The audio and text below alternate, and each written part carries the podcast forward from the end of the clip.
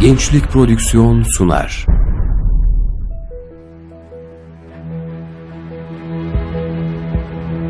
Bizim davamız İslam'dır. Gayemiz Allah'ın rızasını kazanmaktır. Hedefimiz hak nizamını hakim kılmaktır. Arzumuz tüm insanlığın saadetidir. Yolumuz ikna metodudur, cihattır. Bu dava için çalışmak herkese nasip olmaz. İster gecenizi gündüzünüze katarak çalışın, ister yan gelip yatın. Bu hak davanın başarısını ne bir gün öne alabilirsiniz ne de bir gün geciktirebilirsiniz. Bütün mesele bu şerefli davada nasıl bir imtihan vereceğimizdir.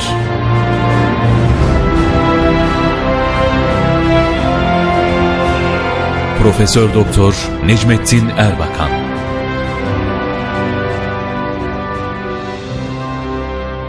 Davam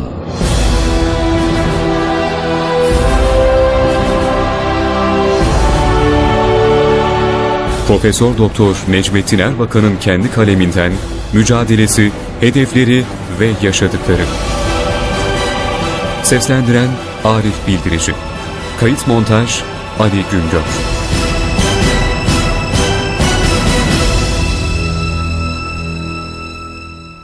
Medeniyet davamız Milletimiz tarih boyunca kaba kuvveti değil, hakkı üstün tutmuştur.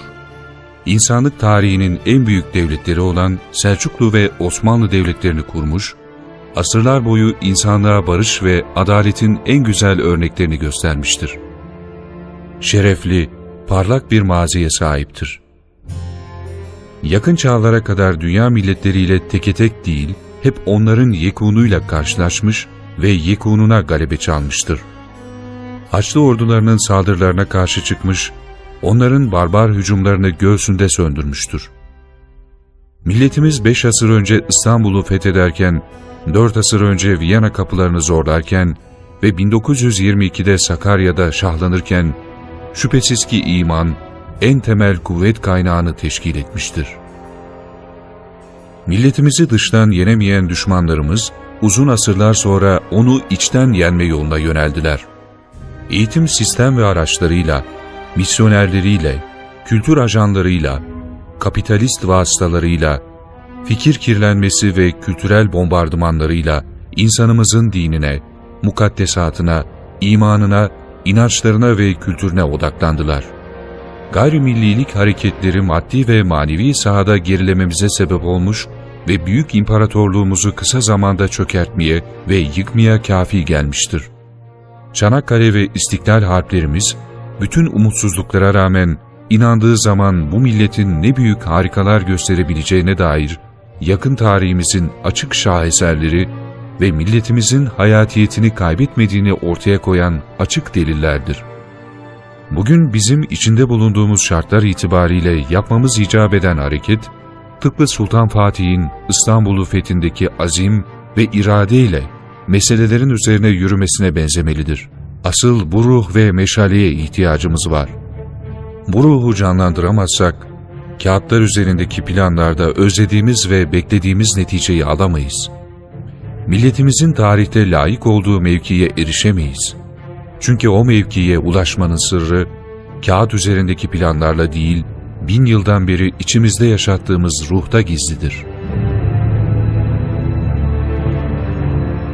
Milletlerin varlıklarının devamı, dini, tarihi, iktisadi ve kültürel unsurların müşterek millet şuurunu meydana getirmesiyle mümkündür. Bu ortak bilince milli şuur diyoruz. Milli şuur, milleti yaşatan güçlerin kaynağıdır. Noksanlığı halinde maddi ve manevi varlığı yıpranacağından millet zayıf düşer. Aziz milletimiz 200 yıldır dış güçler tarafından milli şuuru yok edilerek kendisine yabancı kılınmaya çalışılmıştır. Bu yüzden Batı ülkelerinin adet ve göreneklerini taklit eden ve o ülkeleri kendi ülkemizden üstün gören batıcılığa karşıyız.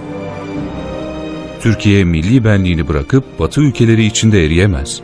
Buna bizim milletimizin bünyesi ve tarihi müsait değildir. Ne var ki dünya Siyonizmi gazete, radyo, televizyon ve her türlü vasıtayla bu aziz milletin evlatları üzerinde iki asırdan beri öyle menfi propagandalar yapmıştır ki, bugün maalesef bu milletin evladı olduğu halde meselelerin çözümü solculukta, liberalizmde ya da anarşizmde arayanlar olmuştur. Siyonizm, 200 yıldır uğraşa uğraşa kültür emperyalizmi yoluyla milletimizin içinden bazı evlatlarımızı maalesef yanıltmayı başarmıştır. Maddi ve manevi buhranlarla karşı karşıya kalmış olmamızın kabahati millet değil, milletin fıtratına aykırı yollara gitmek isteyen fikir, sistem ve politikacılardandır.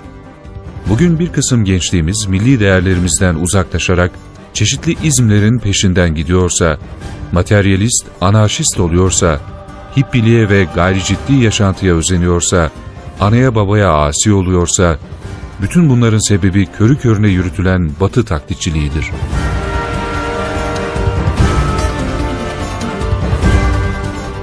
Bugün rantiyeden, rüşvetten, iltimastan şikayet ediyorsak, ticari hayatta istikrarsızlıktan, istismardan, ihale komisyonculuğundan, haksız kazançtan yakınıyorsak, bütün bunlar yine ahlak nizamına değer vermeyen bozuk zihniyetin, milletimizin sağlam bünyesinde açtığı yaraların neticesidir. Milletimizin büyük çoğunluğu tarafından tasvip edilmeyen bu geçici etkilerin giderilmesi kolaydır. Fakat bu iş ancak milletin özüne, tarihine uygun bir idarenin ortaya çıkmasına bağlıdır. Meselelerimiz böyle bir idareyi beklemektedir. Ecdadımızın dünyaya, ilim, sanat ve adalet saçtığı asırlarda olduğu gibi, yine ihtişamlı, azametli, istikbalin büyük ve güçlü devleti haline gelmemiz mümkündür, kolaydır ve hatta bu yakındır. Bizler geleceğe güvenle, imanla bakıyoruz. Milletimiz hiçbir zaman ümitsizliğe düşmemiştir, düşmeyecektir. Milletimizde hem maddi hem de manevi kalkınmamızı sağlayacak azim, irade, iman mevcuttur. Ve yine bu maddi ve manevi kalkınma hareketlerinin isabetli ve basiretli bir terkibini yaparak buhranlar içerisinde kıvranan 21. asır insanına bütün beşeriyete ışık tutmamız da Hakk'ın inayetiyle mümkündür. Bunun için sahip olmamız gereken tek şey, İstanbul'u fethederken, Çanakkale'yi savunurken, İstiklal Harbi'ni yaparken ve en son Kıbrıs Barış Harekatı'nı gerçekleştirirken ortaya koyduğumuz ruh ve manadır. Milli görüşte milletimiz kendisini bulmaktadır, aradığını bulmaktadır. Milli bünyemizin kendisini temsil etmektedir. Evet yabancı görüşler, taklitçi yaklaşımlar bünyemize girmiştir. Fakat bu sonradan içimize giren tesirler, çok şükür ki bünyemizi saramamıştır. Bünyemiz sağlamdır. Bu tesirler gelip geçicidir. Milli görüş, milletimizin kendi bünyesine uyan normal elbisesi ise, dışarıdan gelme solcu görüş ve liberal görüş, bilmem ne görüş, başkasının elbisesini giyen kimse gibi, ya kolu kısa ya paçası dizinde elbiseleri andırmaktadır. Bu yüzden solculukmuş, sağcılıkmış, liberallikmiş bu görüşler eksik görüşlerdir. Başarıya ulaşmak istiyorsak, öncelikle milli şuuru canlandırmamız lazımdır. Bunun canlandırılmasında en önde gelen unsur da ahlak ve maneviyattır. Bundan dolayı tam yarım asır boyunca önce ahlak ve maneviyat ilkemizi bayrak edindik. Milli görüş, vatanımızın ve milletimizin bölünmez bütünlüğü ve tüm memleket evlatlarının kardeş bilinmesi temel prensibine dayanır. Aynı milletin, aynı tarihin çocuklarının kardeşliği esastır. Gidilecek yol barış yoludur, kardeşlik yoludur. Bizim metodumuz iddia ve suçlama yolu değil, ikna ve ispat yoludur. Aynı milletin çocukları arasında görüş farklılıkları, fikir farklılıkları olabilir, fakat bu hiçbir zaman suçlamanın, ayrımcılığın, bölücülüğün sebebi olmamalıdır.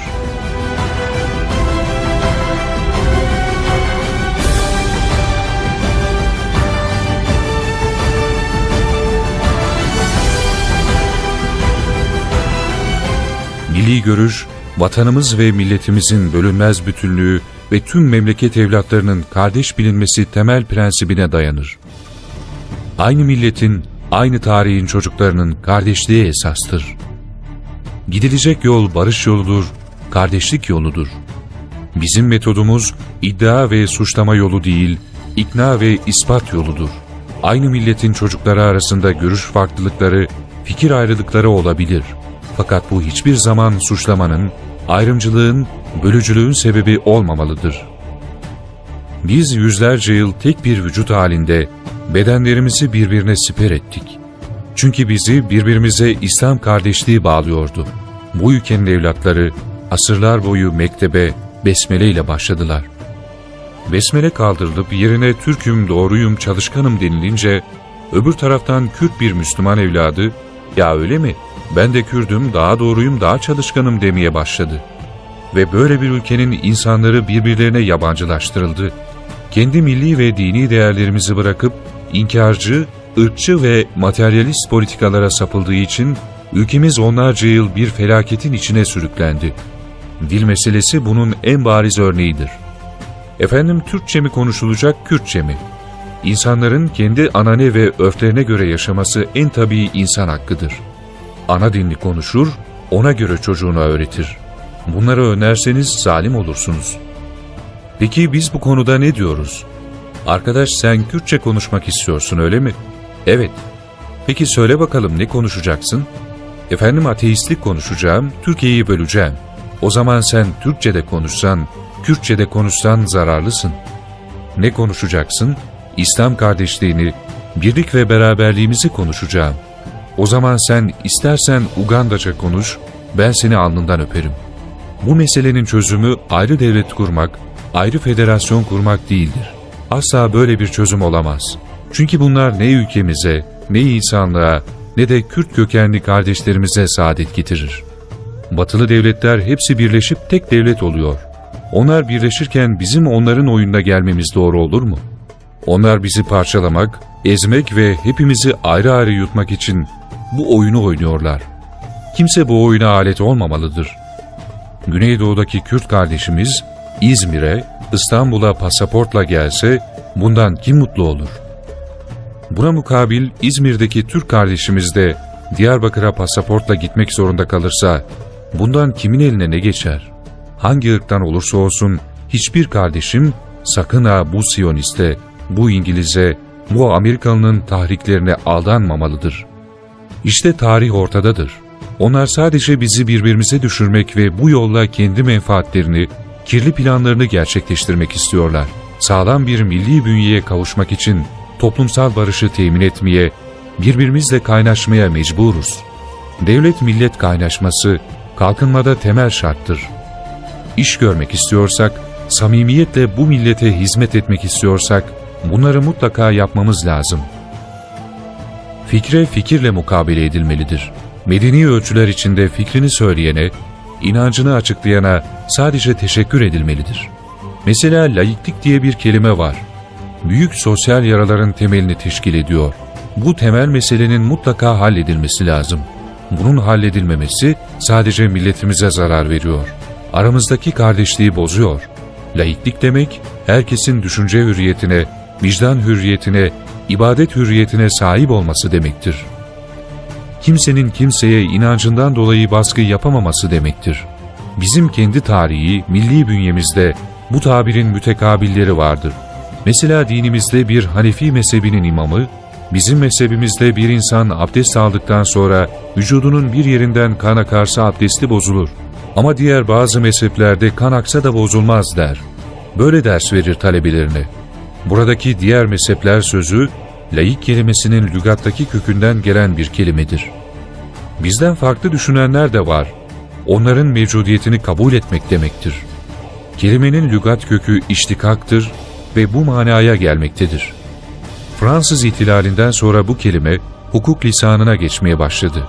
Niçin kullanıldı bu?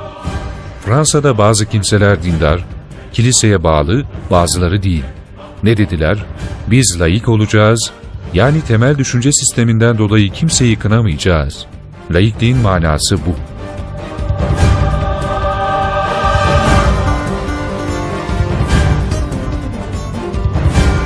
Maalesef laiklik bizim ülkede yıllarca İslam düşmanlığı olarak uygulandı. İnanan insanlara baskı, zulüm aracı olarak sürdürüldü. Laiklik bu anlamıyla bizim milletimizin mana ikliminde olmayan bir kelimedir. Siz bugün Anadolu'da bir ninemize gidip, nine laiklik diye bir şey varmış hiç duydun mu diye sorduğunuzda size, ha o da neymiş evladım diyecektir. Ayrıca bizde maalesef şöyle bir zihniyet sahipleri vardır. İyi, güzel, doğru bir şey varsa, hele bu batıda da varsa, hiç tereddütsüz kabul ederler. Ama bu şeyi İslam da söylüyor dediniz mi, birdenbire hiddetlenmeye başlarlar. Çünkü Batı hayranlığı ve İslam düşmanlığı bozuk zihniyetlerin temelini oluşturur. Bundan dolayı biz, özellikle Batı'dan alınan böyle siyasi kavramların yerine, anayasamızda Türkçe karşılıklarının yazılmasına taraftarız. Devlet vatandaşlara karşı adil, koruyucu ve yol gösterici olmalıdır. Ne bireylerin büyük sermaye sahipleri olarak işçiyi, esnafı, dar gelirliği topyekün toplumu ezmesine müsaade edilmeli, ne de fertlerin haklarını tehdit eden, onları topluma feda eden materyalist görüşlere itibar edilmelidir. Hak kutsaldır ve mutlaka sahibine verilmelidir. Hak konusunda hiçbir renk, dil, din, ırk ve sınıf farkı gözetilemez. Harp esnasında bile çiğnediği ekinin bedelini sahibini bularak ödeyen bir milletin torunları olarak Hakk'a riayetin milletimizi nasıl insanlığın efendisi yaptığının şuuru içerisinde hareket etmeliyiz. Temel noktamız hak ve adalettir. Bize göre haklı olan zayıf da olsa, kuvvetli, haksız olan kuvvetli de olsa zayıftır.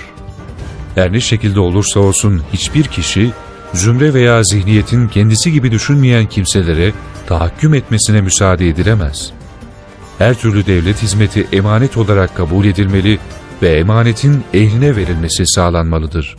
Bu bakımdan devlet personelinin seçiminde bilgi, kabiliyet ve tecrübe kadar ahlak ve karaktere de önem verilmelidir. Devlet hizmetinden kırtasiyecilik ve işlerin uzamasına sebep olan bütün formaliteler tamamen kaldırılmalı, basit ve sağlam esaslar getirilmelidir. Devlet hizmetlerinden lüks ve israf tamamen kaldırılmalı, rüşvet, irtikap, iltimas gibi hastalıklar kökünden kazanarak kuvvetli, adil, yol gösterici bir idari mekanizma kurulmalıdır. Sosyal barış için tolerans ve kardeşlik yaklaşımı kaçınılmazdır. Birbirimize toleranslı davranalım, kardeş hissiyle bakalım. Kalkınmada başarı, sosyal barışın bu temel tılsımına bağlıdır. Topyekün kalkınmanın birinci prensibi kardeşliktir. 75 milyon, hepimiz birbirimizi kardeş bileceğiz.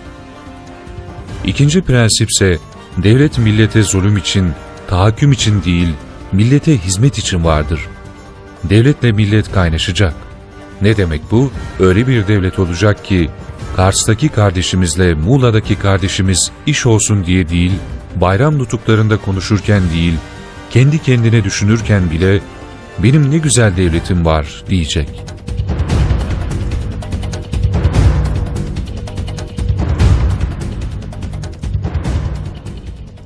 Anadolu'muza milli görüş, hakkı üstün tutma zihniyeti 1071 Malazgirt zaferiyle geldi. Onun arkasından bin yıldan beri Anadolu'muzda milletimizin kendi görüşü olan milli görüş sayısız zaferler kazandı. İstanbul solculukla, liberalcilikle, şuculukla buculukla değil, milli görüşle fetholundu ve aynı şekilde Çanakkale Savaşı milli görüşle yapıldı. İstiklal Savaşımız, Büyük Kıbrıs Zaferimiz milli görüşle kazanıldı. Onun için milli görüşün tarihi Hz. Adem Aleyhisselam'la başlar. Türkiye'de çok partili hayata 1946 yılında girildi. 1946 yılından 1969 yılına kadar çeşitli görüşler ülkenin siyasetinde rol oynadı. Ancak ne yazık ki bunlar milletimizin beklediği, özlediği hizmetleri yapamadılar. Bundan dolayıdır ki yıl 1969'a gelince milletimizin bağrından milli görüş fışkırdı. Böylece 14 Ekim 1969'da milli görüş ilk defa TBMM'de temsil edildi. Bundan dolayı çok partili hayata girdikten sonra milli görüşün mecliste temsil edilmeye başlandığı 14 Ekim 1969 tarihi çok önemlidir. Bu seçimlerde yani Ekim 1969 seçimlerinde bağımsız aday olarak 18 tane kardeşimiz yurdun muhtelif yerlerinde milli görüşü temsil ettiler, canla başla çalıştılar. Rahmetli Eşref Edip Bey'in MNP'yi kurduğumuzda parti merkezimizde yaptığı tarihi konuşmasındaki şu sözleri çok anlamlıdır. Ben 90 yaşındayım. 70 yıldan beri bu milletin aslına döneceğine inandım, yazdım ve bunun mücadelesini yaptım. Şimdi madem ki bugünü yaşadım, artık bundan sonra ölebilirim. Çünkü 70 yıldan beri inandığım ve ileri sürdüğüm davayı bugün gerçekleşmiş olarak yaşadım. MNP'nin kurulması bu milletin aslına dönmesidir. Bundan dolayıdır ki artık bundan sonra ölsem de gam yemem. Milletimizin gerçek ruh kökü olan milli görüş hareketini asırlık geçici bir aradan sonra yeniden başlattığımız ilk günlerde muarızlarımız bize şunu diyorlardı. Bu ülkede camiler açık değil mi? İsteyen namazını kılmıyor mu? Mevlüt okutmuyor mu? İsteyen orucunu tutup hacca gitmiyor mu? Karışmıyoruz. Herkes serbest.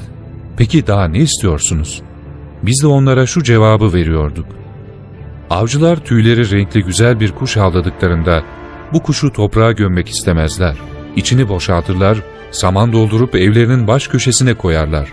Okullarda, müzelerde içi saman dolu kuşları görmüşsünüzdür. Bize demiş oluyorlar ki, bu kuşun gözleri yok mu? Var. Gagası yok mu? Var.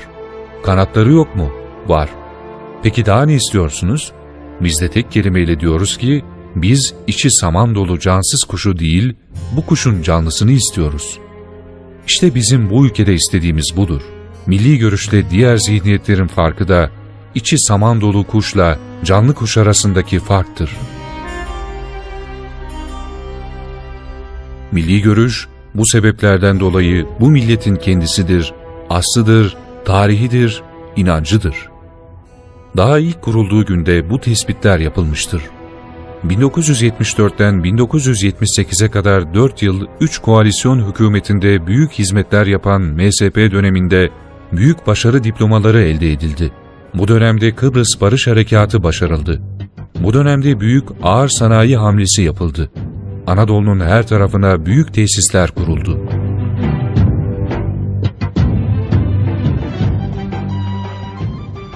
Milli Selamet Partisi dönemi baştan sona kadar milletimize yapılan büyük hizmetlerle doludur. Bu saydıklarımıza ilaveten Türkiye'nin İslam konferansına tam üye yapılması o dönemde milli selametin gayretleriyle olmuştur. Anadolu'muzun bir ucundan bir ucuna daha o zaman otoyollarla donatılması için gereken hazırlıklar hatta anlaşmalar bile yapılmıştır. İmam Hatip okulları açılmış, İmam Hatip mezunlarının üniversitelere girmesi için kanun çıkarılmıştır. Bugün yüz binlerce inançlı kadro yurt çapında görev başındaysa bu milli görüşün daha ilk gün attığı tohumların meyveleri ve hayırlı sonuçlarıdır. Bütün okullara din ve ahlak dersleri programı konuldu. Bu durum layık Türkiye'de tek başına bir olay sayılmıştır. Daha sonra 12 Eylül askeri yönetimi bunun önemini kavrayarak din eğitimini zorunlu dersler sınıfına almıştır. Mısır, Suudi Arabistan gibi Müslüman ülkelerde okuyanların diplomalarının Türkiye'de geçerli sayılması kararlaştırılmış ve uygulanmıştır. Ahlaksız yayınlarla mücadele kanunu çıkarılmış, Adalet ve İçişleri Bakanlarınca ciddiyet ve cesaretle uygulanmıştır. Vakıf mallarının yağmalanmasına son verilmiş, vakıflarca 500'e yakın cami yeniden restore edilmiş, vakıf gelirleri 3-4 misline çıkarılmıştır. Ayrıca vakıf haşevlerinden yedirilen yoksulların sayısı 4 misle artırılmıştır. Risale-i Nur gibi dini, ilmi ve ahlaki eserlerin okutulmasına konulan yasaklar kaldırılmış, böylece İslami yayıncılıkta yeni bir çığır açılmış ve patlama yaşanmıştır. Kur'an kurslarının yapılması ve yaşatılması için Cumhuriyet tarihinde ilk defa devlet katkısı olarak bütçeye ödenek ayrılmış ve 3000'den fazla Kur'an kursu hizmete başlamıştır. Yine aynı dönemde ülkemizi geri kalmışlıktan kurtarmak, insanımıza helal ve huzurlu iş sahaları açmak için ağır sanayi hamlesi başlatılmıştır. Milli harp sanayi kurulmuştur. Montaj değil, her yönüyle milli ve yerli üretim denilerek yola çıkılmış ve ülke çapında 200 büyük fabrikanın plan ve projeleri hazırlanmış, dev tesisler olarak üretime sokulmuştur. Şeker fabrikaları, çimento fabrikaları, azot sanayi, seka, demir ve çelik işletmeleri, makine ve kimya endüstrisi, uçak sanayi, TÜMOSAN, TEKSAN, TEMSAN, TESTAŞ hep milli görüş ruhu ve azmiyle harekete geçirilmiştir. İnanç tekeden süt çıkartır. Bunun bir örneği de Refah Yol hükümeti döneminde getirdiğimiz havuz sistemidir. İzmir'de TEDAŞ vatandaştan elektrik parası topluyor. Topladığı bu parayı o günün şartlarında %40 faizle özel bir bankaya yatırıyor. Sonra ne oluyor? O özel banka aynı parayı %150 faizle devlete borç olarak veriyor. Çünkü TEDAŞ'ın parası var ama Elazığ'daki karayollarına para lazım. Onun parası bitmiş. O parayı temin etmek için devlet özel bankalara borçlanıyor. Peki özel bankanın devlete borç olarak verdiği para kimin? Devletin. Devlet kendi parasını %40 faizle özel bankaya yatırıyor ama %150 faizle yine kendi parasını borç olarak alıyor. Bizden önce bu yolla 14 milyar dolar borçlanılmış, faiz ödenmiş. Biz gelince ne yaptık? 10 bin tane kamu kuruluşunun mali imkanlarını bir elektronik merkezde topladık. Devletin nesi varsa gördük. Bütün devlet kuruluşlarına, özel bankalardaki paralarınızı devlet bankasına götüreceksiniz dedik. Bu elektronik hazırlık yaklaşık bir ay sürdü. Bir de baktık ki devletimizin çok parası var. Meğer biz ne kadar zenginmişiz. Bu havuzu kurup da TEDAŞ'ın parasını faizsiz bir şekilde Elazığ'daki karayollarına verince devlet borçlanmaktan kurtuldu, rahat bir nefes aldı. Böylece devleti 6 ayda 10 milyar dolar faiz ödemekten kurtardık. Fakir fukaranın parasını rantiyeye, dış güçlere, ırkçı emperyalizme vermekten kurtardık. Bize kadar bütün kitler her sene 5 milyar dolar zarar ediyordu. Biz gelir gelmez aynı kitler 2 milyar dolar kâra geçti. Bunlar gelince devlet kuruluşları zarar ediyor, biz gelince kâr ediyoruz. Çünkü at sahibine göre kişner. Davam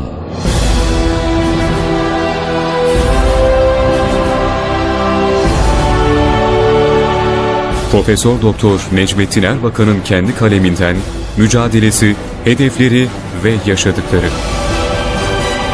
Seslendiren Arif Bildirici. Kayıt montaj Ali Güngör.